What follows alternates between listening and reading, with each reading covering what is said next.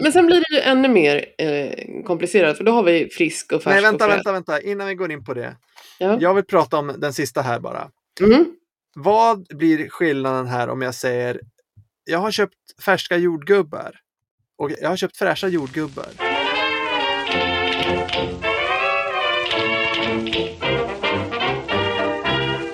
Lisande la gomme. Då är vi igång igen med Lysande lagom med dig Sofie Tegsveden Duvå. Hej hej och dig Emil Molander. Hej! Ofta när jag berättar om vad jag jobbar med, det vill säga att jag till exempel undervisar människor från andra länder i svenska och vi pratar alltså vuxna personer, då får jag ofta frågan så här. Det måste vara jättesvårt för den som lär sig svenska att förstå skillnaden på ordet arm och ordet ärm. Alltså kroppsdelen och motsvarande del på en tröja eller en jacka. Mhm. Och det är det faktiskt inte. Det är jättelätt för de flesta att förstå den skillnaden om man av någon anledning skulle grotta ner sig i det. För att på de flesta språk, till exempel engelska, så är det en ganska stor skillnad. Man säger arm och sleeve. Det låter inte alls Mm. likadant eh, på de flesta språk. Så man har den där liksom, definitionsskillnaden verkligen liksom klart för sig. Medan många svenskar kanske liksom inte riktigt fattade för att man kanske aldrig såg det skrivet. Eh, utan det var något man hörde som barn liksom. Och man visste Det låter likt. det låter väldigt likt Ja. och, och ofta så är det ju liksom i samma sammanhang som man pratar om armen och ärmen.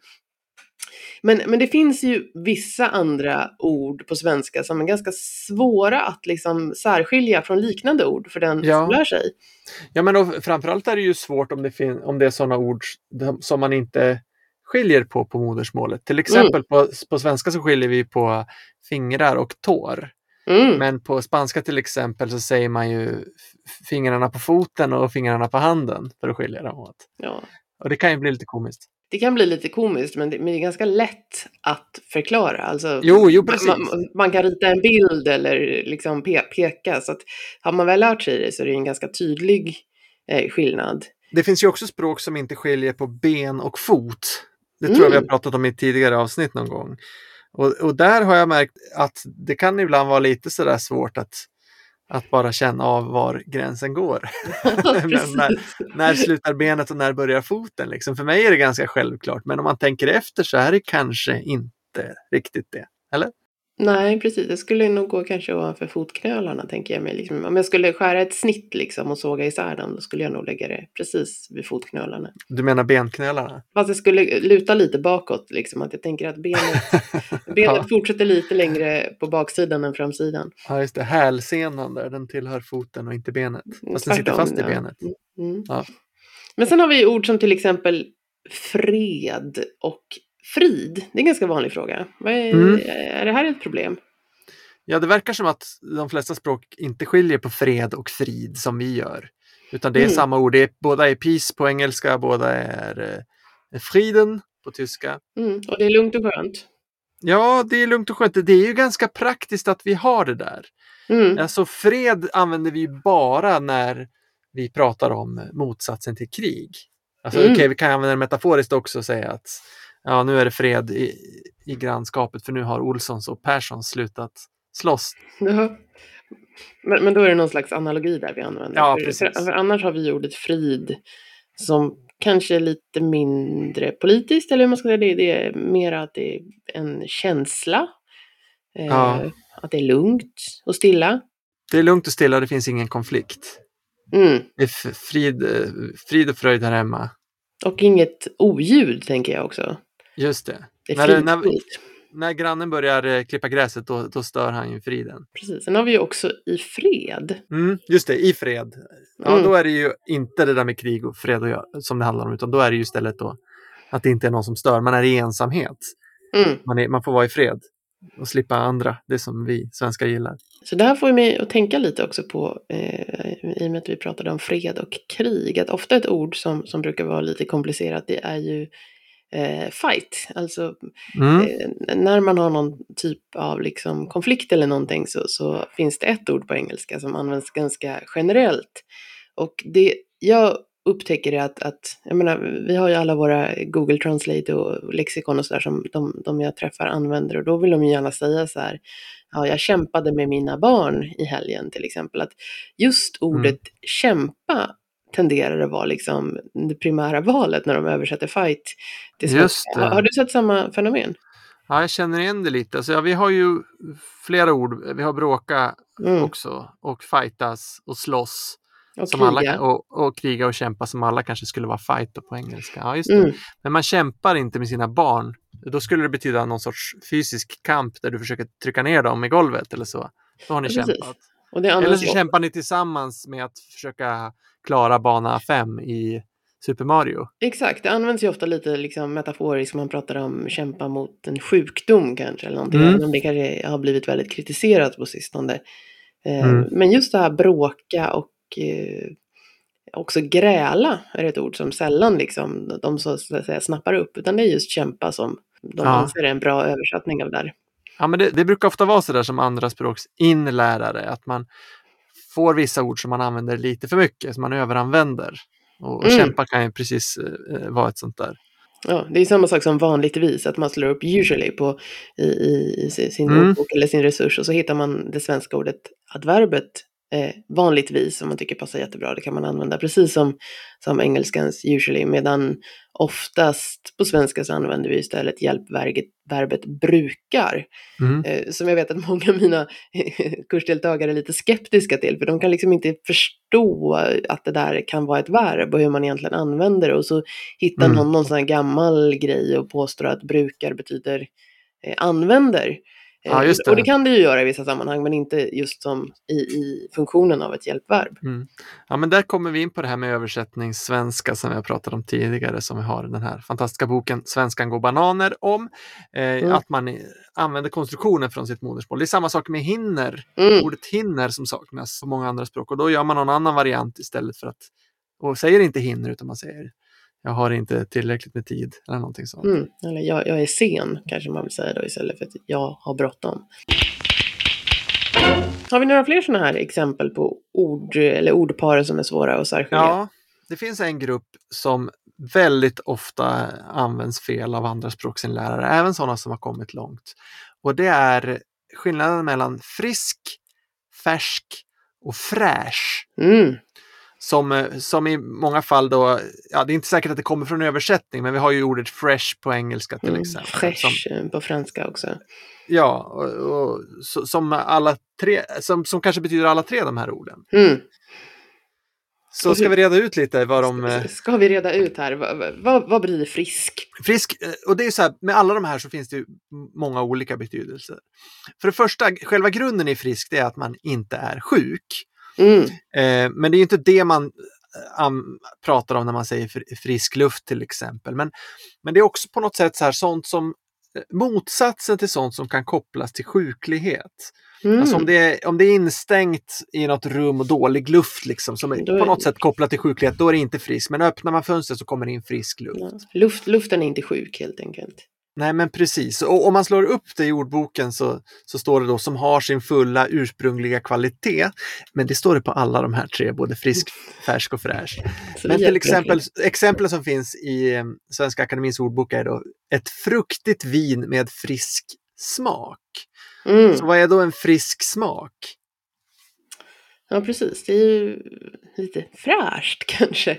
Nej, men, jag, jag, jag tänker ju kanske lite på något lite syrligt eh, där.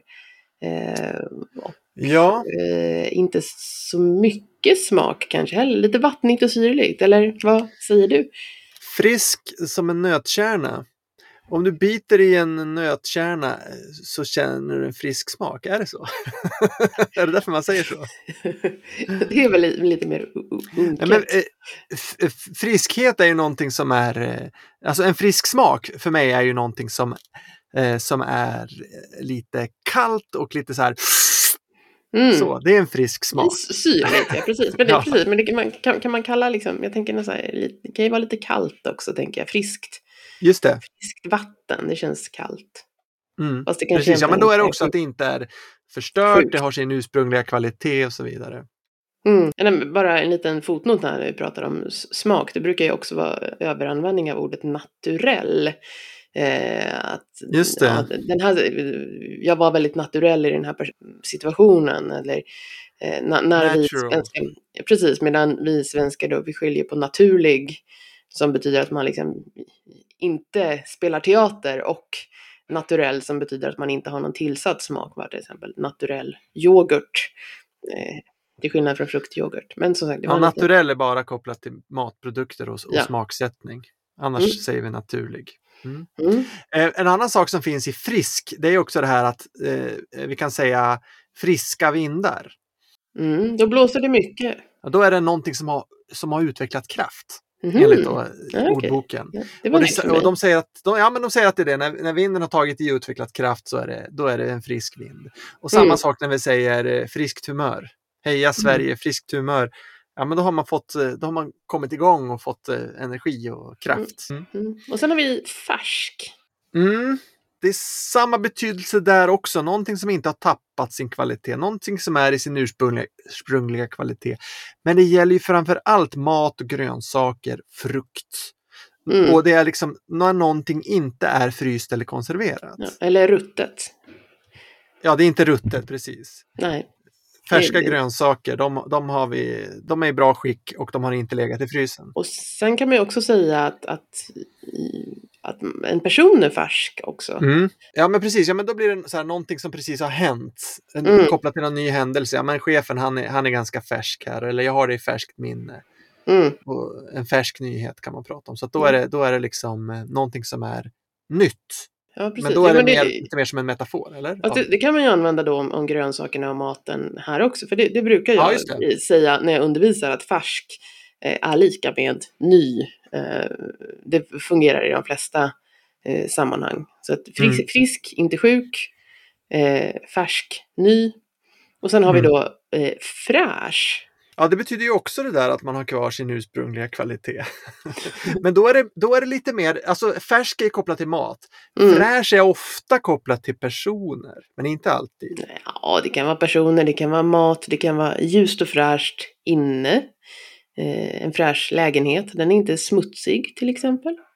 Just det, en lägenhet kan vara fräsch. Då är, den, Mm. då är den ganska ren och ljus och snygg. Men en lägenhet kan inte vara frisk eller färsk. Nej, men det kan vara färsk målarfärg på väggarna. Mm. Nypåmålad. Ja. Mm. ja, men en person kan vara fräsch när man är nyduschad och, och eller har liksom någon snygg solbränna. Då ser man fräsch ut. Eller man kan lukta fräscht. Mm, vad luktar man då? då? Inte unket. Man har inte liksom legat med kläderna på under täcket en hel dag. Nej, man, luk man luktar inte svett. Jag tänker, är inte fräsch liksom inte smutsig? Eller att, att det har något med renhet att göra? Mm. Jag tänker att man äter en, en, en, en fräsch sallad och liksom kontrasten till det skulle vara liksom en flottig hamburgare och då är det nästan Mm. liksom att man tänker att det här fettet i hamburgaren är någon slags smuts liksom. Så att eh, salladen är ren. Precis, jag vill inte ha en hamburgare, jag vill ha någonting lite fräschare. Kanske en sallad, Mm, kan man säga. Mm. precis. Eh, ja, men och fräsch är ju väldigt positivt kopplat. Man kommer med nya fräscha idéer. Mm, Och, och då kan man jämföra dem med, alltså då är det någonting som är nytt och positivt. Men eh, färsk kan ju vara någonting dåligt. Han är lite färsk som chef, han är oerfaren och kan inte så mycket. ja, precis. Så Ja, men fräsch det- har liksom mer positiv klang där. Ja, och det har ju blivit lite också överanvänt ändå lite. Det är ju lite Mm. jargong över det här, liksom ljust och fräscht. Och ett tag var väl också ett sätt man liksom, ah, har du, jag gillar den här killen, han är, han är så fräsch. Mm, just han, han var attraktiv eller någonting, jag vet inte, det, det är väl kanske li, lite över. Men, men det finns ändå den Jo, överanvändningen av ordet. Om jag ska gissa väldigt, väldigt liksom vilt här så skulle jag nog säga att fräsch är nog det ordet som kommit till svenskan senare än färsk och frisk. jag har inte kollat det, men jag ska nej. gissa på det. Nej, men och, precis, fräsch, det kan man ju också säga om om åsikter, om man säger att de, det är inte fräscht. Till exempel så om någon kommer och säger någonting eh, kvinnofientligt, då kan någon Mm. säga så här, men ja, det där var ju fräscht, ironiskt alltså. Det Ja. är inte, inte så fräscha åsikter här från den här Ja. politikern. Nu, nu från södra, södra Sverige viftar med flaggan här och säger ofräsch är ju en, en helt accepterad, acceptabel negation av, av fräsch. Men man kan knappast säga ofärsk eller ofrisk. Eh, men, Nej, men det- ofärsk ofrisk, då låter man som en västerbottning eller Ja. norrbottning. Ja, men ofräsch går i hela Sverige. Ja. Precis, och det kan ju vara verkligen liksom någon som inte har duschat på flera veckor eller någon som har väldigt sådär liksom kvinnofientliga eller rasistiska åsikter precis. eller någonting. Men eh, hur är det då? Vi har ju pratat om eh, färska grönsaker. Eh, Men finns det fräscha grönsaker? Fräscha grönsaker. Jo, men det, ja, det, då skulle jag ju mm, inte tänka på en... Eh, jag skulle, tänker inte då på, eh, vad heter de, aubergine. Den känns inte jättefräsch. Jag tänker mer kanske något liksom salladsblad, lite selleri, gurka. Vad då? Tänker du på sånt som är modernt? Nej, jag tänker sånt med högt vatteninnehåll kanske. Aha. Nej. Jag tänker mer att det är eh, snyggt och inte smutsigt runt grönsakerna. Till exempel så kan man säga så här, Ja. du, gå på Willys, de har, de har mycket fräschare grönsaker där än på ICA. Det har du en väldigt bra poäng, precis. Alltså, att det, det, är rent och fräscht i hy- hyllan, typ. Ja, jo men absolut. Jo, men det har ju verkligen med ren, renhet att göra. Ja. Mm. För färska grönsaker har de ju på både Willys och ICA, men, men man tycker att det är lite fräschare, alltså renare och snyggt, eh, mindre smutsigt i, i grönsakshyllan. Där. Mm, Detta är inte en sponsrad podcast. Nej, nej, nej, jag, handlar, jag gillar inte Willys. Vi pratade om det i tidigare avsnitt. Jag blev ju utskälld av en tant på Willys. Så. Vad blir skillnaden här om jag säger jag har köpt färska jordgubbar och jag har köpt fräscha jordgubbar. Ja, färska jordgubbar, då är de ju nyplockade. De kommer Mm. direkt från, från jordgubbslandet. Men fräscha jordgubbar, eh, då är de ju rena. Eh, inte Mm. Eh, och, och, och det kan också tolkas liksom att de är lite coola. Där. Jag, tänker på den här jargongen, så lite fräscha jordgubbar. Nej. Ja, okej, kanske. Men jag tänker mig också då att om du köpte, ja men det var väldigt fräscha jordgubbar här. Då var Mm. det att det var ingen av dem som var rutten eller så här lite mjuk och, och geggig som vissa kan vara, även om de är färska. Så kan ju vissa Mm. ha blivit dåliga. Men nu motsäger vi oss själva, för vi har precis sagt att färsk betyder inte rutten. Ja, okej, inte rutten Mm. men en del blir ju geggiga och mosiga. Så om du Mm. köper en liter färska jordgubbar så kan det ju vara en som är dålig. Mm, Eh, Men om Så det inte var någon dålig, då kan du säga att de är fräscha. de är fräscha. Ja. Men friska jordgubbar då? Friska jordgubbar, då är, det väl, då är vi väl inte riktigt, då har vi inte varit och handlat på ICA, utan då är vi bonden som står ute där i, i landet och bedömer liksom kvaliteten på plantorna, om de har Ja, blivit an, angripna av någon, någon eh, parasit eller någonting kanske. Det är sant, men jag tänker också att det skulle kunna vara smaken. Du biter i några jordgubbar och säger oj, de här var väl liksom väldigt friska i smaken. Ja, just det, lite syrliga. Lite syriga och lite liksom mera så här, man får den här kalla känslan i munnen. Då är de Ja. lite friskare. Inte jättesöta kanske. Nej. Inte solvarma, söta eh, jordgubbar, utan de, de är lite syrligare och kommer direkt från kylskåpet kanske. Mm. Men sen blir det mer avancerat, för sen har vi ju också eh, det här att, att eh, man kan prata om, om frisk, att man pratar om kroppen och sitt hälsotillstånd. Eh, Mm. Och där hör man ju ofta till exempel att någon har varit sjuk och så frågar man liksom, jaha, eh, mår du bättre nu? Och då kan jag säga, ja, jag är hälsosam nu, att jag, jag har, jag har liksom tillbaka Mm. hälsan då efter att Nej, det är fel. att, ja, och det skorrar ju i mina svenska öron, för jag vill ju säga där att man är frisk. Mm. Eh, men, men där kommer det ju in ändå, liksom det här med hälsosam och hälsa, vi har hälsosam, säger man hälsosam mat till exempel, Mm. eller vad säger man? Ja, alltså det, hälsosam är väl mer kopplat till livsstil, livsstil och Mm. eh, sånt som går över tid. Men Mm. visst, eh, vi äter väldigt hälsosam mat här hemma kan man ju säga. Men säger man inte jag. att vi äter nyttig mat? Jo, eh, men då är det mer så här att den här specifika tomaten här, det, det är väldigt nyttigt. Men hälsosam mat är väl mer liksom min kosthållning. Mer övergripande. Ja, du menar liksom rent ge- generellt? Alltså, jag jag Mm. brukar egentligen eh, säga till mina kursdeltagare att maten inte är hälsosam. Och det, Mhm. det kanske inte är riktigt sant det jag säger då, men jag, jag blir så trött på den här överanvändningen. För de gillar det Ja. också för att det låter som health på engelska. Så de vill Ja, det är bättre, bättre med nyttig mat. Nyttig, liksom. Men, men det är inte bara mat som kan vara nyttig, utan även en övning till exempel. Den här övningen med perfekt particip är väldigt nyttig för er. Den har liksom en bra effekt Mm. på er. Och, och, och det har ju också lite den här konnotationen att det kanske inte är så roligt eller så gott. Eh, men det är nyttigt. Mm. Ehm. Det är nyttigt för dig att få höra det här. Ja, precis. Mm. Det är inte så kul, men ja. Men kan en person vara nyttig? En person kan inte vara nyttig. Nej, Eh, men man kan göra sig nyttig. Man kan göra sig nyttig om man hjälper till, ja precis. Mm. Eh, Men en person kan väl vara hälsosam ändå? Mm. De där grannarna, de är så himla hälsosamma. Nej men sen har vi ju lite så här kroppsliga grejer också. Vi har ju till exempel det här med luktar och smaker. Att det där kan man liksom höra liksom att mm, jag kom in i köket och jag luktade hamburgare. Ja. Eh, eller ja, jag luktar roligt. pannkakor. Det blir roligt. Eh, för jag luktar pannkakor betyder att När någon kommer och sätter näsan mot dig så känner de pannkakor. Mm, exakt. Medan när man kommer in i ett kök där någon annan står och gräddar pannkakor så känner man lukten av pannkakor. Och lite samma sak med smakar. Att Mm. jag säger inte mm, jag smakar fisk.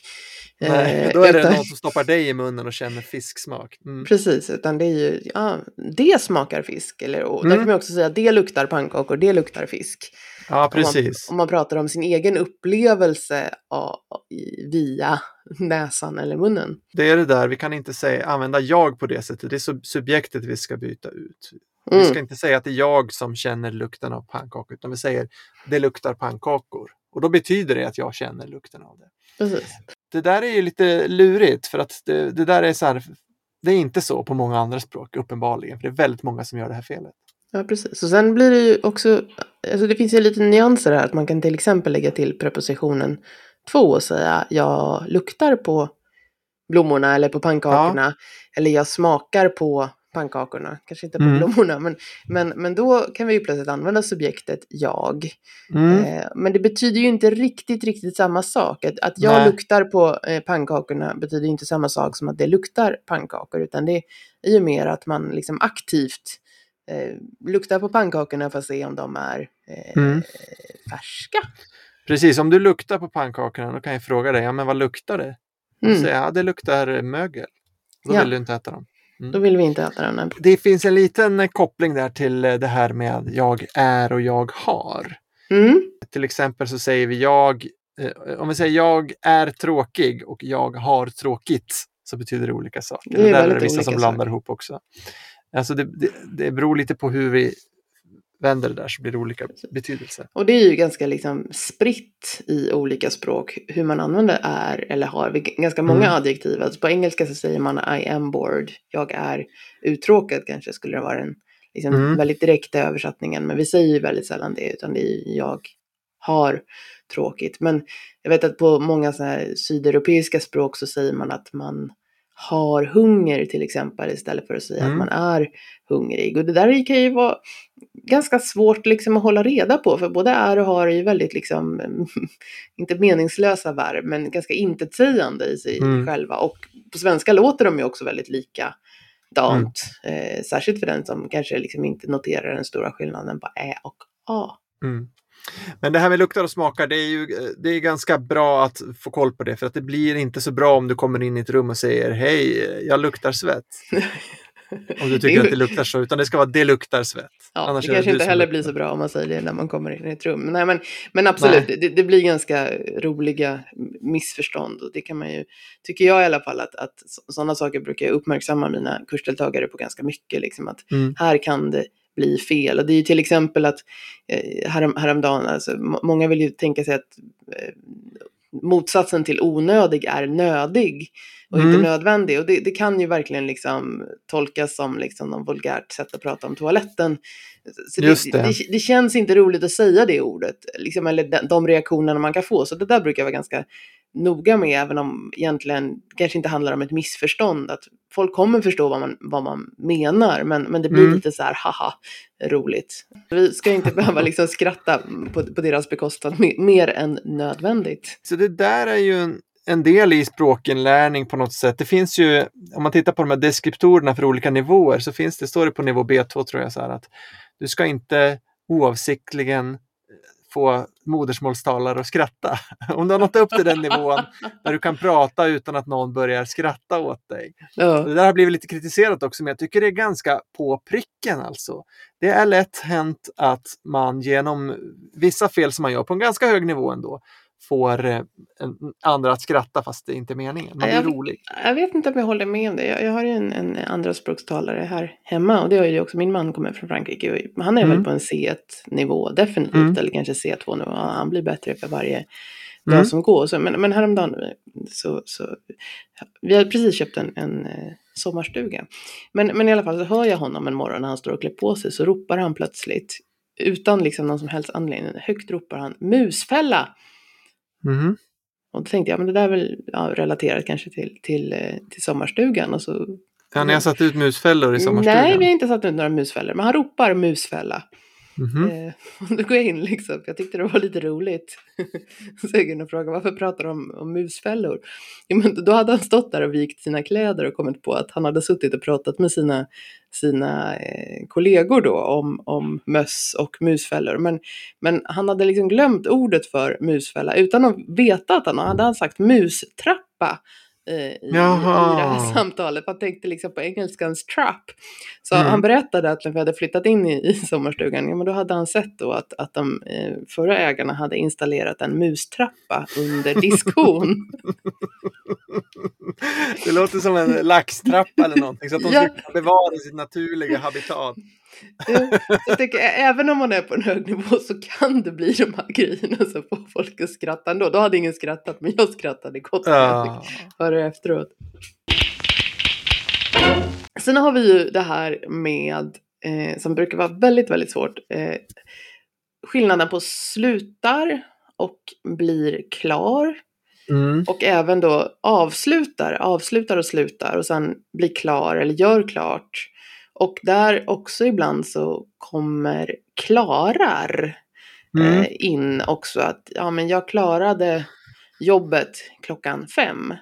Ja, det är fel. hör man ju väldigt ofta och, och då menar de alltså att de blev klara med jobbet och gick hem klockan fem men, men inte att de liksom kunde jobb, sitt Just jobb det. klockan fem. Jag blev uppmärksammad på det här första gången som jag undervisade på en kurs och så var det en Mm. student som hade hoppat av. Mm, Och så eh, träffade jag honom och sa, jaha, har du slutat på kursen? Mm. Och då sa han nej, nej, nej, nej. För han tolkade ju sluta som att han hade gått hela kursen och blivit klar. Men det hade han ju inte för han hade hoppat av. Så han hade slutat. Han hade kursen. slutat men han var inte klar med kursen. Mm. För när man är klar eller blir klar, det är när, när, när någonting är liksom komplett, när man har gjort eh, 100 procent Ja. eh, av någonting. Men, men kan du på ett pedagogiskt sätt, så där tycker jag är jättesvårt, beskriva vad avslutar betyder?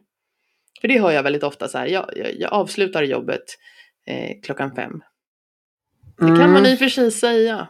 Eh, men det är inte det Ja, den personen alltså- menar. Du avslutar, du kan ju avsluta någonting som du håller på med. Mm. Vi ska avsluta det här mötet. Jag ska bara avsluta den här sidan. Mm. Eh, Kan det vara det, att det är lite mer eh, kopplat till en speciell handling och en viss eh, aktivitet? Men det är inte hela jobbet. Nej, jag, jag tänker också att när jag slutar någonting, när jag slutar jobbet, då slutar jag liksom prick fem. Det är ju liksom en, en, en, en bryt, ett, ett, ett brott liksom i Mm. min aktivitet. Det är en punkt Men vänta, där. Men, du men slutar klockan fem, men man säger väl inte jag slutar jobbet? Okej, jag Säger slutar klockan fem. Ja, precis. Det är svårt. Men, men jag tänker avsluta, det är ju liksom en liten process. Att vi säger, ja men vi har ett möte, vi slutar klockan två, men mötet slutar klockan två. Men, men vi avslutar mötet genom att eh, titta på det här projektresultatet. Alltså det är ju någon typ av aktivitet som man gör i slutet av en annan Mm. Just aktivitet. det, en avslutning. Det, det är någonting som pågår en stund medan själva slutet är ju liksom bara en punkt i tiden. Just det. Helt Så- rätt. Ja, du måste avsluta den här texten på ett bra sätt. Mm. Precis, det betyder att vi behöver liksom lite text som finns precis innan texten är slut. Mm. Just det, innan du slutar så måste du avsluta. Mm. Där kan man ju också, när man kommer tillbaka till klar, blir klar, eh, klarar, eh, så, så kan man, man kan ju klara ett test till exempel. Mm. Eh, men, Du men, klarar en uppgift. du klarar en uppgift, men, men om du skriver en tenta till exempel, då blir det antingen godkänd eller inte godkänd, eller hur, hur det nu fungerar. Eh, Om, om du inte blev godkänd, då har du inte klarat tentan. Nej, Då har du precis. bara gjort klart den. Mm. Och sen får vi in lite, lite partikelverb där, klarar av till exempel. Det, det är väl att man har tillräcklig eh, kompetens för att göra någonting. Ja, precis. En- du en klarar, sak. klarar du av att skriva tentan? Eh, nej, jag kan, jag kan inte sitta still så länge. Exakt, eller nej men jag har så mycket migrän där. Ja. Kommer du klara av att eh, döda möss i musfällor i din stuga eller kommer det vara för jobbigt? Jag måste ta mustrappan upp först. en intressant sak är ju också liksom vad som refererar till vad. Vi har ju till exempel stressad och stressig. Att jag Mm. känner mig stressad och har en stressig dag. Medan Mm. den som kanske håller på att lära sig svenska vill gärna väl säga liksom jag har en stressad dag eller jag känner Ja, mig eller, stressig. ja, det är ju ännu vanligare. Jag är stressig. Och där kan man ju också ibland höra det här liksom, ja, men jag är, jag är vegetarisk.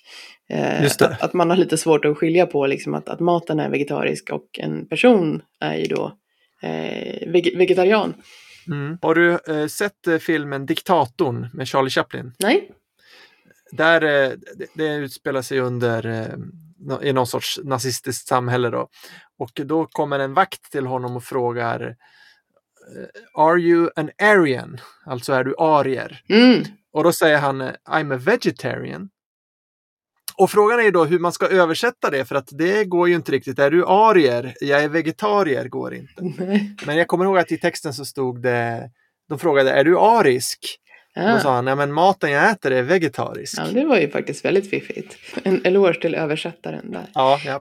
Men, men nu har vi suttit här och, och pratat liksom om några ganska, liksom, i det stora hela, små, små, små detaljer. För det Mm. finns ju så, så många tusen ord som man måste lära sig.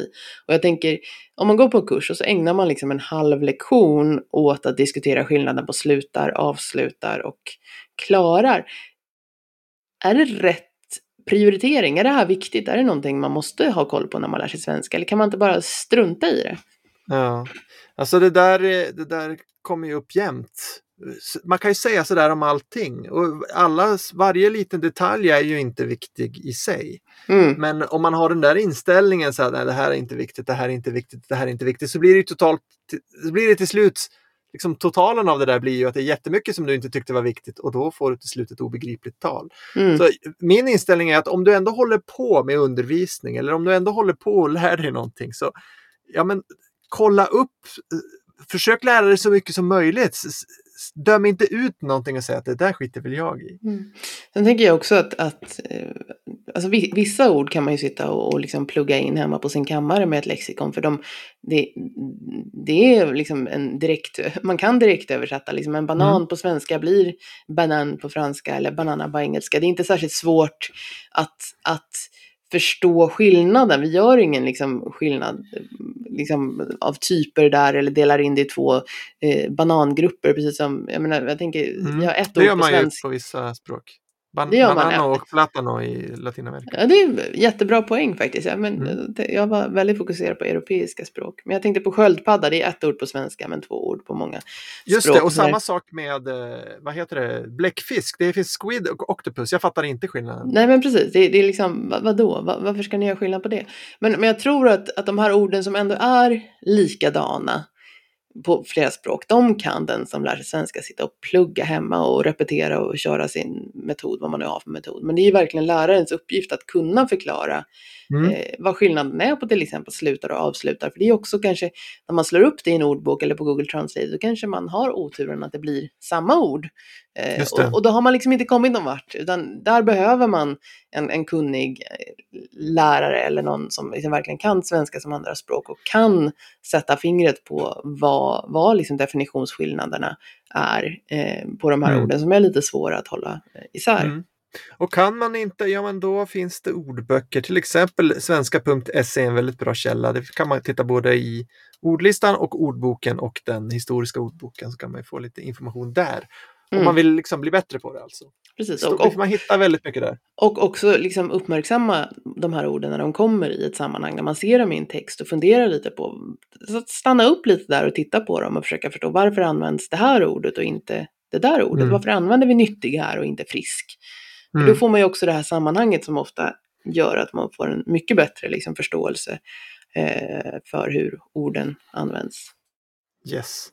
Och med de orden så avslutar vi väl eh, dagens avsnitt. Vi har ett gäng läroböcker i svenska som andraspråk som finns på lysforlag.com. Vi kanske ska slå ett slag nu när vi pratar om ordförråd för eh, serien Lysande litteratur som du har satt ihop. Det är noveller av, vilka då? Eh, det är noveller av vad är det? Hjalmar Söderberg, Karin Boye och Agnes von Krusenstjerna som man kan läsa, alltså autentiska noveller men sen också jobba med ordförståelse och lite uttryck. Väldigt roligt och givande om man gillar liksom att, att också få lite litteratur på köpet och inte bara sitta med liksom, eh, vanliga lärobokstexter. Just det, små fina böcker som kostar cirka en 70-lapp. Eller något, Mm. någonting sånt. Vilket inte är någonting nu med dagens inflationsläge. Just det, exakt. Vi måste Just. höja priset fort. Eh, Lysforlag.com och eh, tack för att ni har lyssnat på dagens avsnitt. Tack och hej då.